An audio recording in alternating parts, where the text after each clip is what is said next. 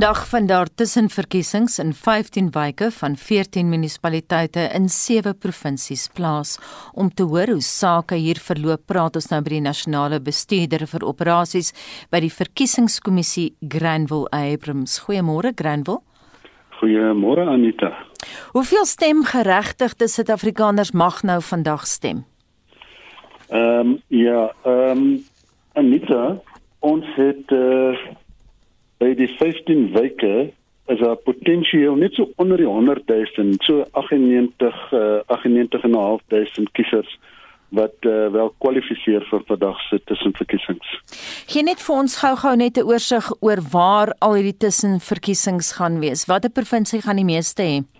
Die provinsie wat die meeste geniet is KwaZulu-Natal. Daar vind 6 plaas en dit vervolg deur die Wes-Kaap waar daar 3 is, Noord-Kaap 2 en dan een in die Oos-Kaap, Limpopo, Mpumalanga en Noordwes. Die enigste provinsies wat nou nie uh tussenverkiesings vandag het nie is Gauteng en uh, Vrystaat. Ek wil net aanmeld dat uh hierdie verkiesings is nou vakatures wat ontstaan het uh nadat ons ehm um, weer na die uh die ehm um, hof toe moes gegaan het om verkiesings om vakatures wat nou voor dit ontstaan het uit te stel.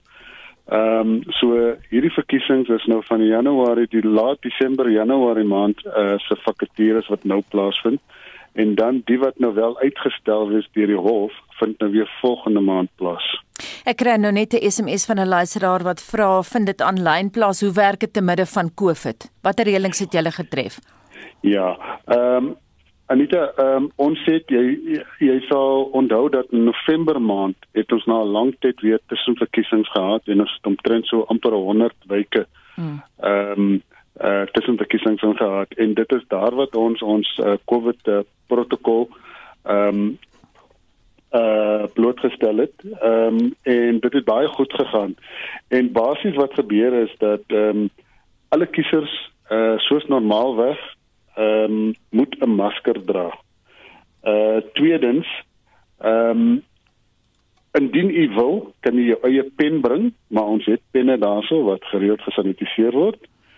Ehm um, sosiale afstand binne en buite die lokaal moet gehandhaaf word. En uh, ons het handreinigers vir uh ontsmetting wanneer jy inkom in by die lokaal en ook dan wanneer jy die lokaal verlaat. Die ander uh uh verandering wat ons meegebring het, ehm uh, luisteraars sal ook onthou dat in die verlede het ons ehm uh, 'n inkpen gehad. Ons het nou nie langer gebruik nou nie langer die inkpen nie. Ons gebruik nou katoenoorstokkies hmm. wat net een keer gebruik word en dan ontslaaf van gemaak word. So uh alle uh, maatreëls ehm um, is daarom te versien dat daar nou nie ehm um, dat die die kiezer uh teen alle tye nou nie blootgestel word aan aan enige kieme en so voort nie. Granville, verskil julle voorbereidings in terme van 'n tussenverkiesing van die van 'n plaaslike of 'n algemene verkiesing of is dit maar basies dieselfde? Dit is basies dieselfde. Enigste verandering is dat dit is nou net in daai spesifieke wijk en die ander uh, verskil is dat in 'n algemene verkiesing kry die kiezer ten minste twee stembriewe. Dit is nou vir die wijk en proporsioneel. Maar by 'n tussenverkiesing is daar net een stembrief betrokke en dit is nou net vir die wijkskandidaat. Gaan daar nog 'n kieserregistrasie naweek wees vir die komende plaaslike verkiesing? Ja, nee beslis. Uh, maar soos normaalweg waar die verkiesingskommissie in die verlede twee registrasie naweke gehad het, gaan ons met hierdie verkiesing gaan daar net een registrasie naweek wees maar so in die agtergrond is ons nou besig om te werk aan ander opsies vir aanlyn registrasie. So alhoewel daar nou net een registrasie naweek kan wees, gaan daar ook 'n uh, opsie wees om dan aanlyn te registreer. Maar hoekom net een registrasie naweek? Baie Suid-Afrikaners het nie toegang tot rekenaars nie. Hulle kan nie aanlyn registreer nie. Dis 'n kwessie van kostes uh, aan die einde van die dag, Anita. Ehm um, soos ander uh wel staatsdepartemente wat uh, befonds word uh, deur die nasionale staatskas uh moes ons ons begroting sny. Ehm um, en ehm um, die die die kostes impak daarvan ehm um, laat ons nie toe om twee registrasies na weke uh, dan doen nie. Baie dankie en baie sterkte met julle harde werk. Dit dan Granville Abrams, die nasionale hoofbestuurder vir operasies by die verkiesingskommissie. Dis nou 18 minute oor 7. Jy luister na monitor en die waarnemende minister van die in die presidentskap, Kumbutso Ntshavheni, het in 'n geskrewe antwoord aan die parlement gesê dat byna die helfte van senior munisipale beamptes nie aan die minimum vaardigheidsvlakke voldoen nie. Sy het bygevoeg dat die minimum voorgeskrewe vaardigheidsvlakke 13 jaar gelede vir munisipale bestuurders, bestuurshoofde en ander finansiële bestuurslede ingestel is. Nou professor Erwin Schwelle van die Skool vir Sosiale Innovasie aan die Huguenot College in Wellington verduidelik die stand van munisipale bestuur in Suid-Afrika. Dit is sodat ons nou uit verskillende oorde uit die verskillende regeringssfere sentraal, provinsiaal en nou ook munisipaal 'n aanduiding kry dat uh, die vermoë van amptenare in daai munisipaliteite en dis nie noodwendig die mense wat die operasionele werk doen nie, die persoon wat die vullisverwydering doen of die persoon wat die strate skoonmaak nie. Dit lê op tegniese en ingenieursvlakke, dit wil sê op professionele vlakke en dan ook op bestuur en leierskapsvlakke dat daar 'n besondere gebrek aan vaardighede en vermoëns is ook by munisipale amptenare en in die geval is die verwysing na munisipale amptenare. So die vereistes wat gestel word vir poste word nie aanvoldoen nie en dit is 'n aanduiding van die feit dat ons plaaslike regering verpolitiseer is eerder as geprofessionaliseer is. En dit is ook dan 'n aanduiding van hoekom dienslewering so swak is. Wat is die stand van munisipale bestuur in Suid-Afrika as jy vir my die swakste kan noem? Ja, daar was nou onlangs 'n lys van eh, die bes en swaks presterende munisipaliteite wat uitgekom het en ons het ook 'n klomp ander data. Hierdie ander data is ook uit selfs regeringsverslae. So alle aanleidings ook in die reaksie van die publiek op munisipale regering en bestuur is dat ons munisipale dienslewering, munisipale bestuur, munisipale leierskap in wat 'n mens miskien ten beste kan kategoriseer in 'n mooi ou Afrikaanse woord, dis erbarmlik. Dis gewoon sleg. Met die uitsondering hier en daar van 'n klompie presterende munisipaliteite wat werklik nog daaraan slaag om ondanks al die verpolitisering tog nog professioneel te bly en diens te lewer. As ons nou 'n verslag sou opstel, 'n soort tipies rapport, dan sou ons sê dat die munisipale dienslewering in Suid-Afrika is uiters swak. Val dit jou op dat die ANC hierdie verskynsel ignoreer of verbeel ek my? Ek dink die ANC se prioriteit in elk geval tot relatief onlangs soos ook aangedui word deur die antwoorde wat hulle gee vir vrae in die parlement of vrae in die provinsiale regeringsinstellings in die oorsiginstellings was hulle projek eintlik om kaderontplooiing en verpolitisering te doen. Daar is aanduidings dat daardie gety gedraai het in die sin dat ook binne die breër politiek van die ANC waar daar nou 'n mededingende sommige mense sê faksie geveg tussen die mense is wat uiteindelik die grondwet ondersteun en verbeterde dienslewering wil kry en die mense wat op een of ander manier hulle korrupte dade onder die mat ingevee wil hê. So die ANC het verseker nie net dit geïgnoreer nie. Hulle was 'n aktiewe deelnemer daaraan totdat die vorige regime verdwyn het en nou is daar 'n nuwe poging en dis 'n poging wat lyk of dit ernstiger kyk na die professionaliseringskant eerder as die verpolitiseringskant. Is dit nie dalk te laat nie? Dit sou waarskynlik baie naby kan wees aan 3 minute voor 12. En as jy mens so daarna kyk, dan is die grootste hoeveelheid so ongeveer kom ons sê 65% van munisipaliteite is op pad na totale disfunksionaliteit en omtrent halfte van die 65, kom ons sê so in die 30% is reeds 'n uh, mislukte plaaslike state Maar aan die ander kant het ons nog bakens van hoop.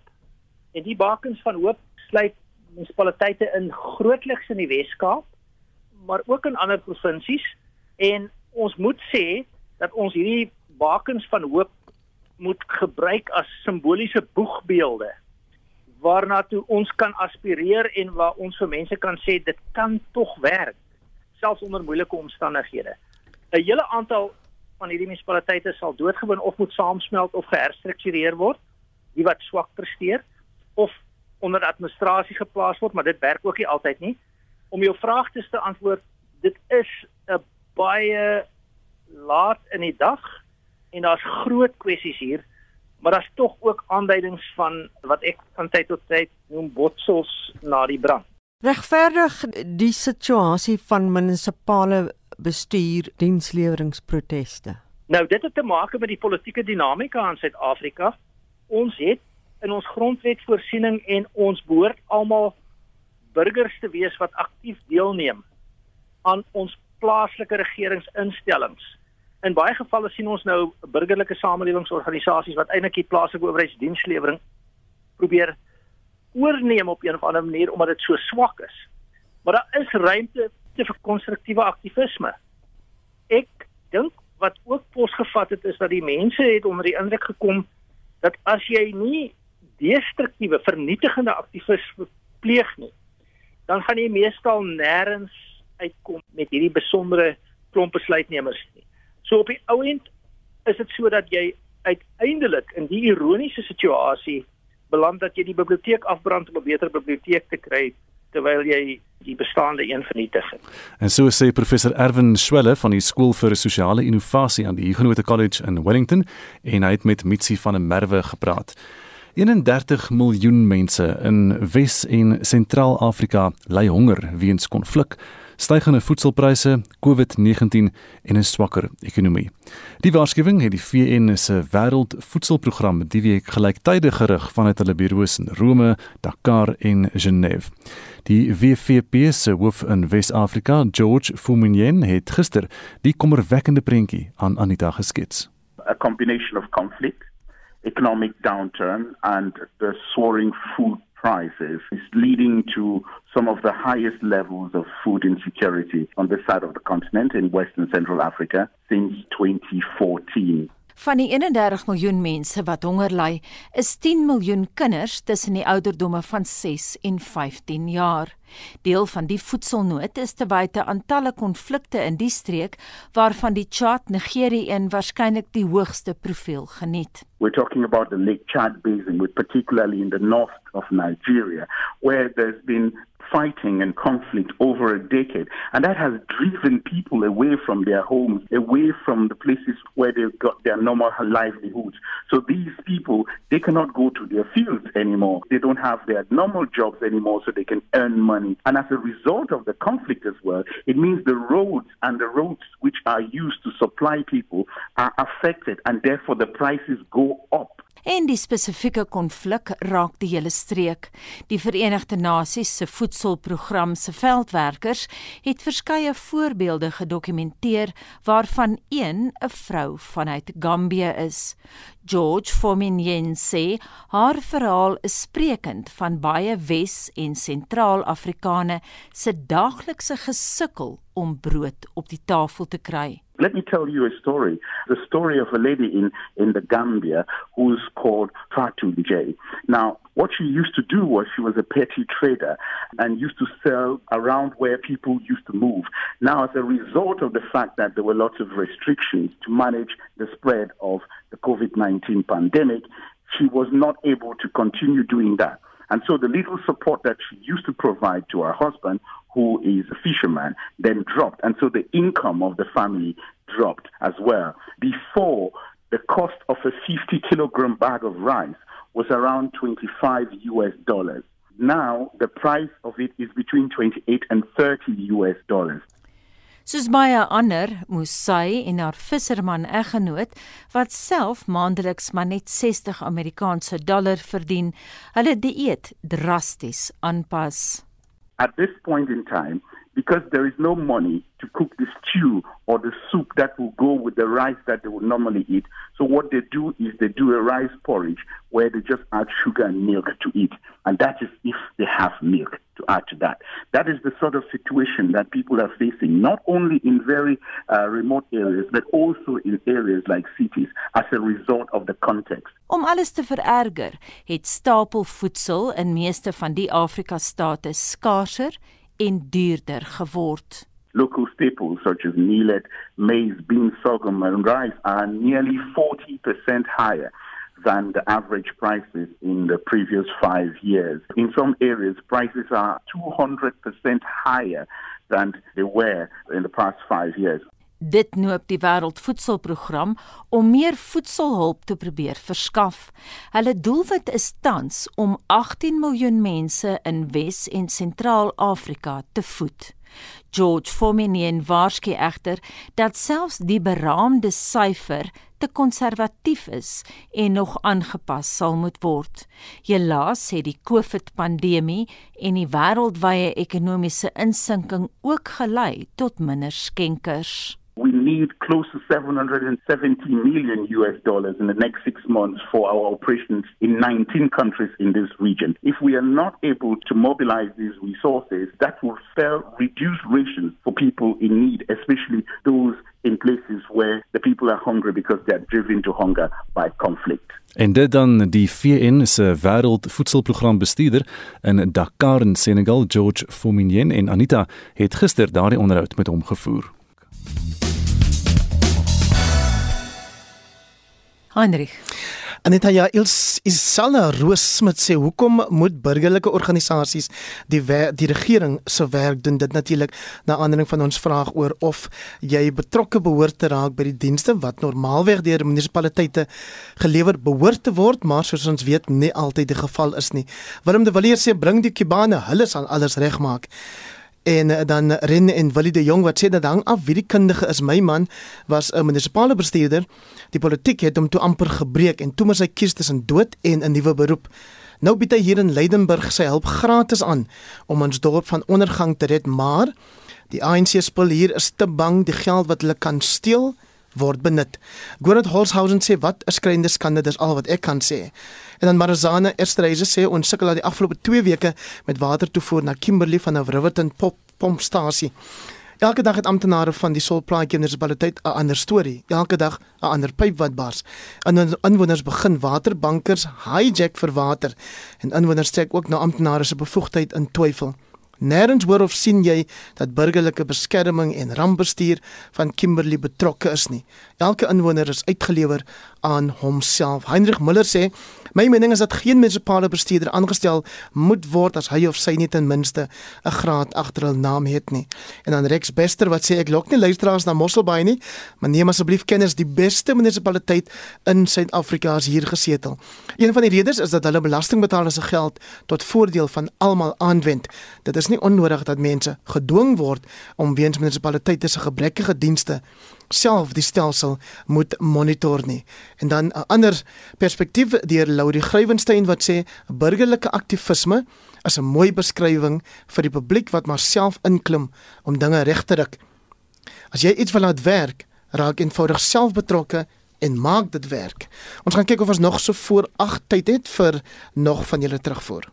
Intussen beweeg ons na die internasionale nuusfront en dit word oorheers deur nuus dat die voormalige polisiebeampte Derek Chauvin skuldig bevind is aan die moord op George Floyd. Die spesifieke klagtes behels tweede graadse moord, derde graadse moord en dan manslag en Marlenae het al die nuwe inligting. Marlenae oor na jou. Chauvin se vonnisoplegging is nou die volgende stap en kenners meen hy kan regmaak vir minstens 40 jaar agter tralies. Buite die hof in Minneapolis was daar groot verligting toe die nuus gedeel is.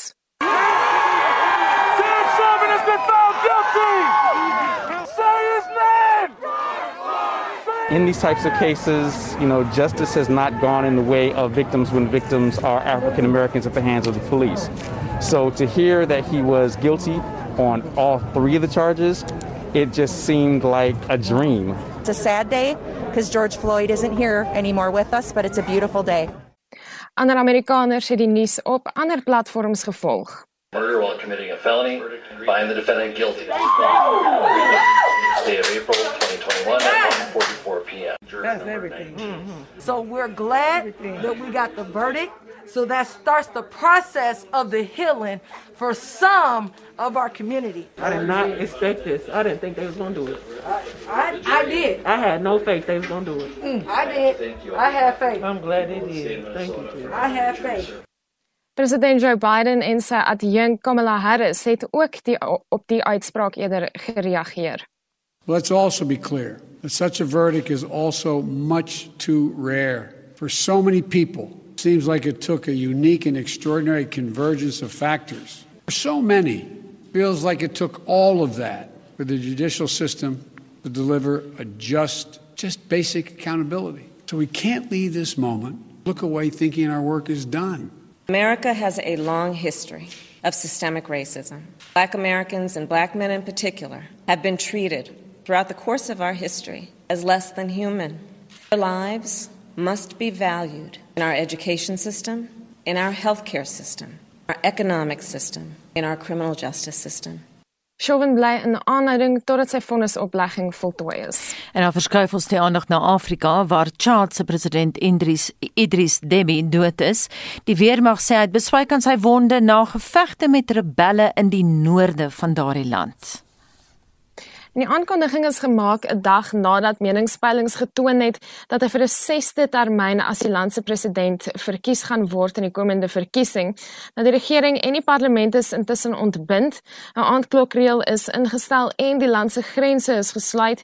Debbie se seun gaan waarneem as president tot die volgende verkiesing. Die VN is van die wat medelee betoon met die land en die familie. Sekretaris-generaal Antonio Guterres se woordvoerder Stefan Dujarric The country is characterized by growing humanitarian needs linked to the conflict in the Lake Chad Basin, as well as the effects of climate change. The UN presence in Chad is about 1,800 uh, staff, both national and internationals. We obviously rely on the Chadian authorities to ensure the safety and security of our staff. We also are doing our own security uh, assessment, and we're watching the situation hour by hour. Debbie is dood in die ouderdom van 68 en was minstens 30 jaar aan bewind as een van die vaslandse langsdienende presidente. Sy loopbaan het in die weermag begin waarna hy in 1990 aan bewind gekom het na 'n gewapende opstand in die land. Hy was een van Frankryk en die Weste se bondgenote. En ons sluit ons hierdie wêreld nuus segment af op 'n ligter noot. 'n Nuwe dinosourus spesies is in Chili geïdentifiseer.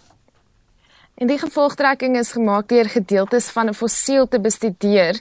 Nou die oorblyfsels is gevind in die Atacama woestyn wat beskou word as een van die droogste plekke op aarde, maar toe die spesies die aarde bewoon het, was dit 'n tropiese gebied.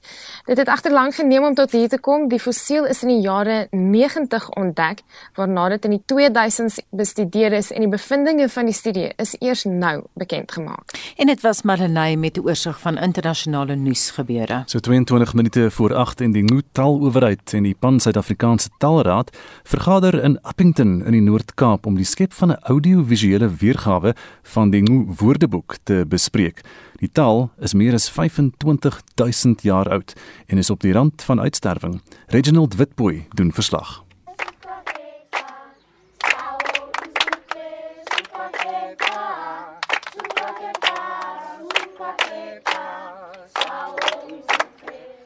Alhoewel die taal op die rand van uitsterwing is, word meer en meer kinders die taal aangeleer.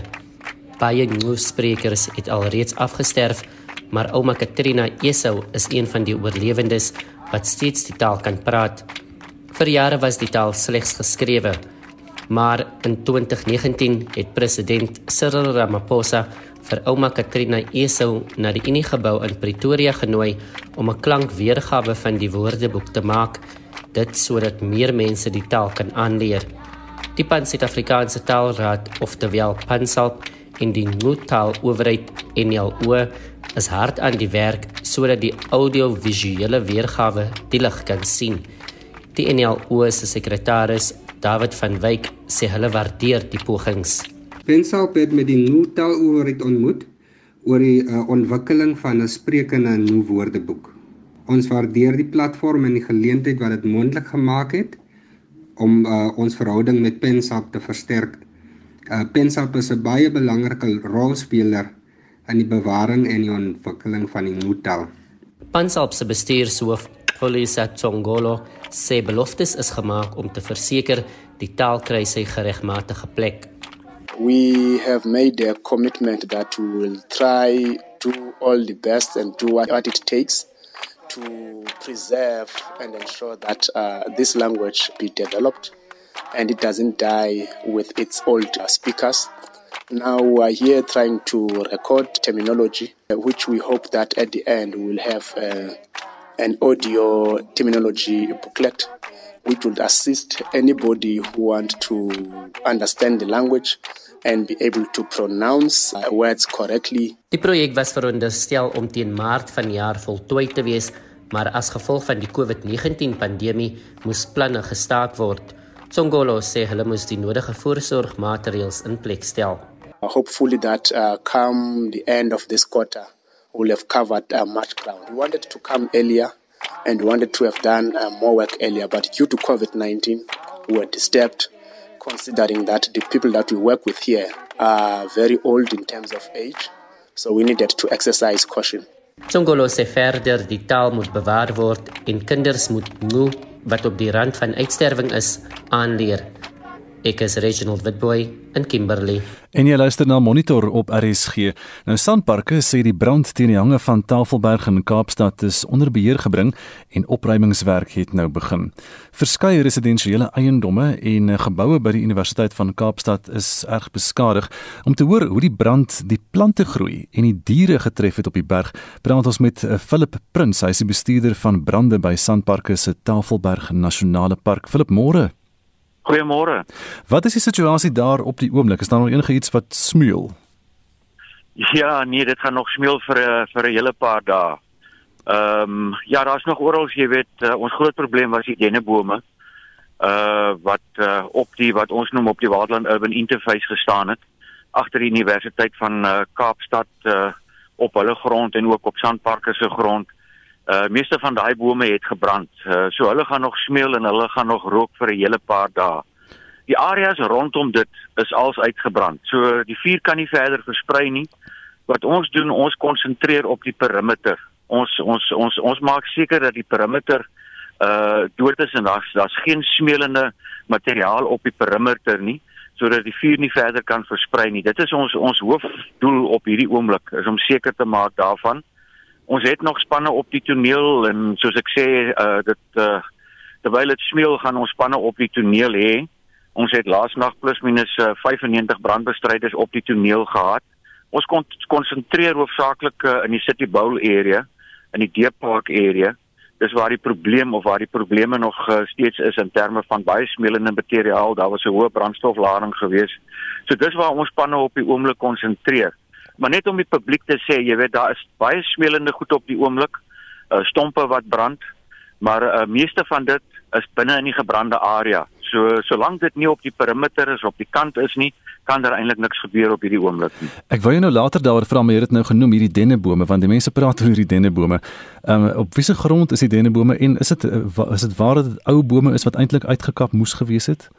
Nee, nee nee, kyk net net vir korreksie. Okay, die dennebome staan op Sandparke se grond en daar is ook aan die agterkant van die Universiteit van Kaapstad uh was daar dennebome gewees. Die dennebome op die Groot Skuur landgoed. Daai bome vorm deel van die cultural and historical landscape. So dit is nie bome wat ons net voetstoots kan gaan en gaan uitkap nie. Ongelukkig uh jy weet mag ons dit nie doen nie. Uh dead and dying trees, ja, soos die bome doodgaan, dan kan hulle verwyder word. Maar ongelukkig, soos ek sê, die lewendige bome wat deel is van die cultural and historical landscape, ongelukkig mag sandparke nie daai bome verwyder het voor die brand nie. Dit. Dit is natuurlik 'n ander saak. Jy weet die bome is gebrand. Hulle is besig om om te val. Dit is ook dis gevaarlik vir die publiek. Uh ons uh, uh conservation department, hulle werk daaraan op die oomblik, jy weet om die publiek uit te hou uit sekere areas uit. So die publiek moet asseblief oplet want sekere areas van die park gaan gesluit wees as gevolg van die bome wat uh, wat nou omval. As jy kyk na die plante groei in in julle park en julle gebied, hoe erg is die plante groei beskadig en en is dit 'n natuurlike proses, weet jy die brand van die plante in in die siklus van die lewe soort van? Dis reg, dis reg. Dit is 'n natuurlike proses. Onthou fynbos is 'n uh, is 'n vuurbestande 'n uh, plante groei. Fynbos is aangepas by vuur en fynbos is veronderstel om te brand. So elke 12 tot 15 jaar, dit is wanneer fynbos moet brand. As jy kyk na die hange van Devil's Peak, sal jy sien 'n sekere areas het die vuur homself uitgebrand en hy het hom ek, hy het hom eintlik uitgebrand teen areas waar hy jong veld was. Tussen 4 en 6 jaar oue veld, die vuur het gebrand. Toe hy in daai veld kom, het hy outomaties gestop. Maar 'n uh, uh, fynbos soos ek sê is 'n aangepaste plante groei en hy moet brand vir oorlewing. Is enige van julle diere dood of het hulle gevlug voor die vlamme? Uh ongelukkig ons uh, conservation department hulle deel met dit. Dit is nie my afdeling nie. Ek hmm. weet hulle werk saam met die SPCA.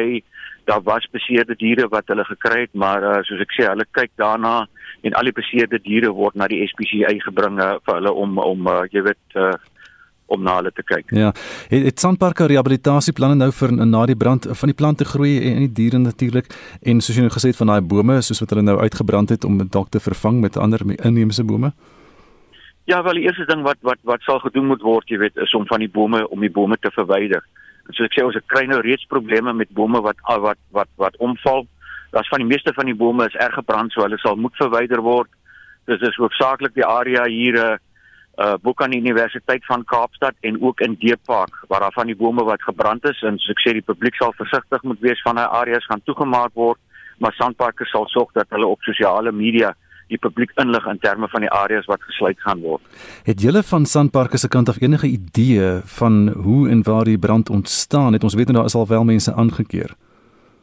Kyk, ons weet presies waar die brand begin het en ons het 'n uh, 'n uh, independent investigator aangestel uh ek wil nou nie sy uh sy ondersoek vooruitloop nie. Ja. Uh dit sal ons weldra bekend maak sodra die ondersoek afgehandel is. Maar ja, dit is 'n proses waarmee ons besig is. Philip en jouself, hoe gaan dit met jou? Ons het gehoor dat jy self beserings opgedoen het in hierdie brandbestrydingsproses. Nee, nee, nee, ek, nie ek, ek is fyn. Ek is fyn. Een van ons brandes brandbestryders het 'n besering opgedoen. Hy was in die hospitaal vir 2 nagte, maar hy was gisteroggend ontslaan gewees.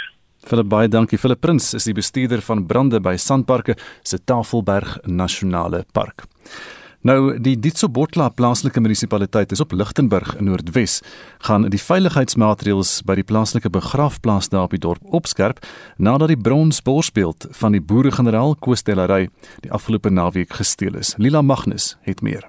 Die Ditsobotla plaaslike munisipaliteit in Lichtenburg se woordvoerder Pius Patsile sê hulle sal 'n heining oprig om diefstal en vandalisme by die begrafplaas te keer. Yeah, there, there hasn't been any security at Dumfries site because we, we have not experienced any vandalism before. That is why there's been a, a shortfall actually, an oversight from, from, from our side. But moving forward, we are intending to make sure that we are going to install proper security. Beter sekuriteit by die begrafplaas kan moontlik keer dat ander grafte gevandaliseer of waardevolle items gesteel word, maar dit is te laat vir die historiese borsbeeld van generaal Delarey wat in 1917 deur die beeldhouer Fanie Elof gemaak is. Die voorsitter van Erfenis Potchefstroom, Johan Wolfhard, sê die beeld is baie moontlik reeds gesmeld. Hy sê die land se geskiedenis word deur sulke vandale erodeer. Kyk die diefstal en die verlies van ehm um, erfenisterreine en erfenisvoorwerpe, die die probleem is ongelukkig dat dit is eintlik geskiedenis van Suid-Afrika, so dit maak nie saak wie se geskiedenis of wie wie dit opgerig of waar kom dit vandaan nie, dit is nog steeds deel van die nasionale besit van en dit behoort aan al die mense van Suid-Afrika en geskiedenis is daarop ons 'n les te leer. So die verlies daarvan is verlies vir die mense van Suid-Afrika en dit is onvervangbare erfenis wat ons wat ons verloor. Die FAK het reeds opdrag aan die beeldhouer Jacques Miller gegee om te begin met die proses om 'n replika van die borsbeeld te maak.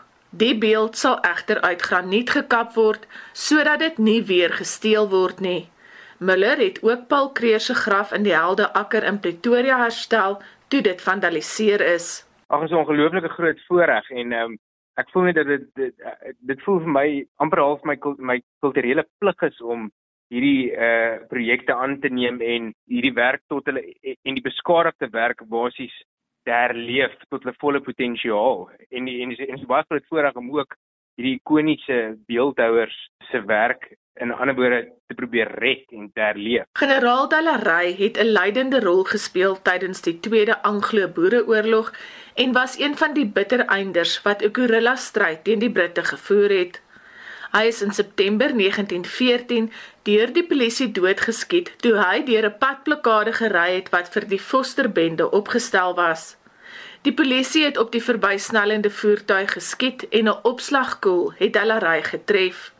Die verslag is saamgestel met die hulp van Silwester Serame en ek is Lila Magnus in Pretoria. Dis 10 voor 8 en die minister van gesondheid, Dr. Zweli Mkhize, het gister besoek afgelê aan die Charlotte Matrike Hospitaal in Johannesburg. Dat die hospitaal is tydelik gesluit nadat 'n brand groot gedeeltes van die gebou verwoes het. Mkhize sê meer as 40 miljoen rand se mediese voorraad en 'n persoonlike beskermingstoerusting is in die proses beskadig, maar intussen is die nie-regeringsorganisasie Gift of the Givers gereed om hand by te sit wanneer die hospitaal nou weer sy deure oopmaak. Marlene Forsie berig. Die stigter van die organisasie, Dr. Imtiaz Suliman, sê hulle reageer op die hospitaal se bekommernis oor die apteek waar die brand na bewering begin het. We've got masks, gloves, you know, a whole range of coveralls, scrubs, a range of things we can give them. We are also contemplating. We're going to get a company that does prefab buildings, which doesn't require building plans and which can be installed immediately. Depending on the cost, and if it's feasible, we can look at giving them a temporary dispensary in a prefab because any hospital without a dispensary cannot work. Because every hospital in department requires some kind of supply from a dispensary. Whether it's outpatient emergency icu theater gynae pediatrics everyone needs to go back to the dispensary to get either the meds the sutures the swabs or even the iv fluids whatever is required. It's all in the dispensary. So and the stores. Hy sê elke projek waarby hulle betrokke raak of dit nou dien is of die hulp wat hulle verleen in Kaapstad waar hulle voedsel aan duisende studente na die brand verskaf is uniek. It's just like a lucky packet. You do a project and sometimes somebody comes and sometimes somebody doesn't come and sometimes nobody comes.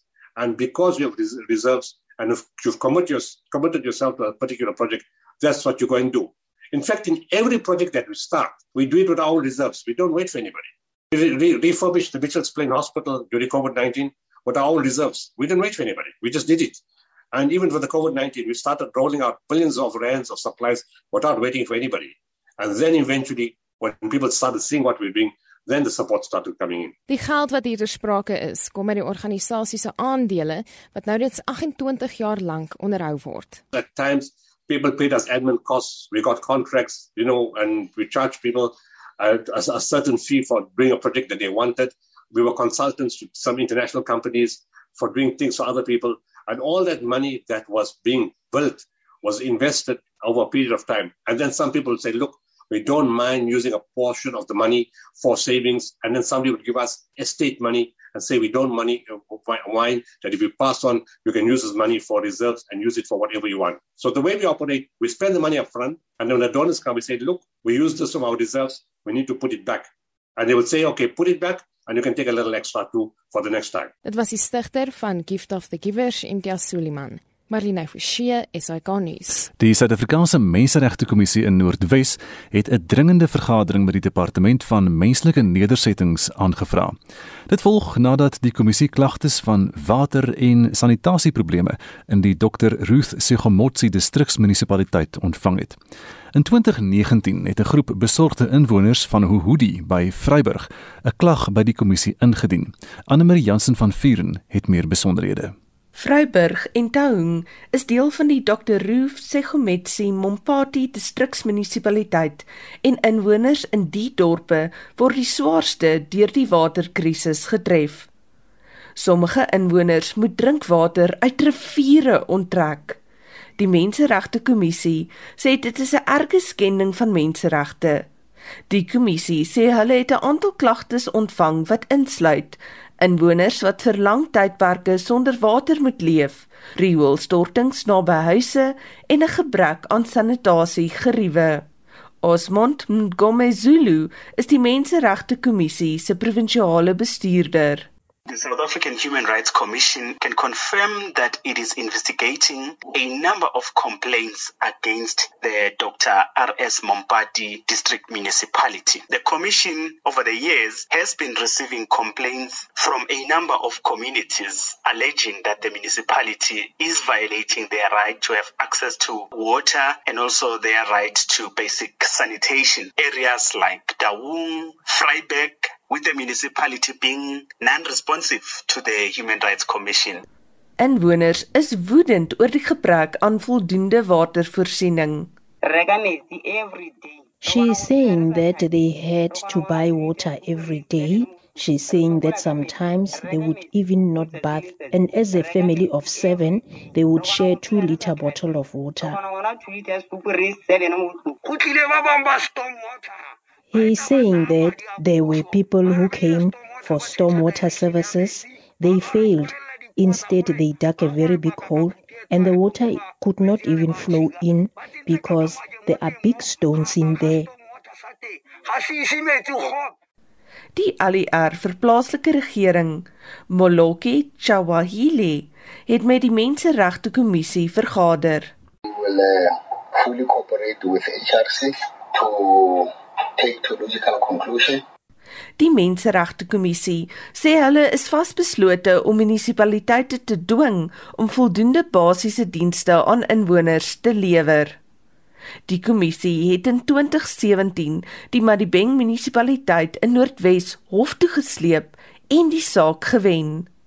Die Hooggeregshof in Pretoria het gelas dat die munisipaliteit en ander regeringsdepartemente voldoende watervoorsiening aan inwoners van die Klipgat See gemeenskap moet verskaf. Die verslag deur Mpole Pedi in Vryburg en ek is Anne Marie Jansen van Vuren vir SAK nuus. Daar is geen verkeer. Nou ons het vroeër gepraat met Philip daar by die Tafelberg Nasionale Park. Hy het gesê daar's nog van die stompe en so en wat smeel. Ek sien hier op die foto van die N2 daar is grasbrand sê hulle by die N2 op die hospitaal draai en die sig daar is natuurlik nou as gevolg daarvan nie so goed nie. So wees maar versigtig daar die N2 rondom die hospitaal draai in Kaapstad en Brakpan in Gauteng as 'n botsing op die R23 Heidelbergweg naby die N17 en die verkeer staan taamlik terug daar. KwaZulu-Natal 'n botsing op die N2 noordwaarts, dis net voor die Umgeni wisselaar in die regterbaan. Hulle sê die R300 in Kaapstad Noord na Stellenbosch arterieel, daar is die noodbaan versper want daar was 'n ongeluk gewees, 'n botsing vroeër dan nou. En dit lyk taamlik besig dan daar, die verkeer staan taamlik ver terug. In Bramfontein in Johannesburg gevoertuig staan op die M1 Noord en dit is naby die Kaar straat afrit en die verkeer is ook stadig daar. En dit is dan so min of meer wat aan die gang is in die verkeer vir môre. Laaste terugvoer ek stem vir konstruktiewe aktivisme sê hierdie luisteraar ons moet opstaan en nie oorrompel word deur onbevoegde politici en uitgediende buitelandse idees soos om Kubaanse ingenieurs hierheen te wil bring nie. Ja ja of JJ van Posmasburg sê ons betaal vir dienste en maak nou baie dinge self reg terwyl die werkers net aanteken en dan na huis toe gaan of rondloop. En dan sê Annie my basis van mening dat alles eers in duie moet stort en ons dan van voor af moet begin opbou voordat dinge in munisipaliteite beter sal gaan. Elwes Morolong sê gebrek aan belangstelling en afwesigheid by die stembus, dit is die oorsaak. Ek hoop die betrokkeheid van elkeen van ons by ons bestaan word 'n instelling en nie slegs 'n tydelike reaksie nie. Ons kan en ons moet hierdie lot beheer en bestuur. En dan antwoord Rex Bester op Lori Grywenstein deur te sê samewerking en ondersteuning is beslis 'n faktor, maar daar's perke. Ek betaal byvoorbeeld vir my motor se diens by 'n motorhawe, maar omdat hulle dan nie 'n bevredigende diens kan lewer nie, moet ek nou maar my voertuig self herstel terwyl ek reeds vir die diens betaal het. Dit is terugvoer op vanoggend se luisteraarsvraag. Baie wat is alles op die dagboek vir Spectrum later vanmiddag 12:00? Randwater in Gauteng sê sal volgehoue water toevoer na kliënte verseker te midde van 'n beplande staking deur SAMU-lede. Tussen verkiesings word in 14 munisipaliteite gehou en ons praat met die Nelson Mandela Bay Metro in die Oos-Kaap waar die droogte sy tol eis in die stad en die landbousektor. Dit en meer op Spectrum tussen 12 en 1 vanmiddag op RSG. En so kom ons aan die einde van vandag se monitor. Onthou ons spot gooi ons op die webwerf rsg.co.za. Jy kan altyd ure daar afsonderlik gaan luister van al ons programme Ons groet namens ons waarnemende uitvoerende regisseur Hendrik Martin. Die redakteur vanoggend was Jean Esterhuizen en ons produksieregisseurs was Daitrin Godfrey en Sylvester Komana. Ek is van Vreiling monitor is terug môreoggend om 6uur en nou is Anita reg met die 8uur nuus.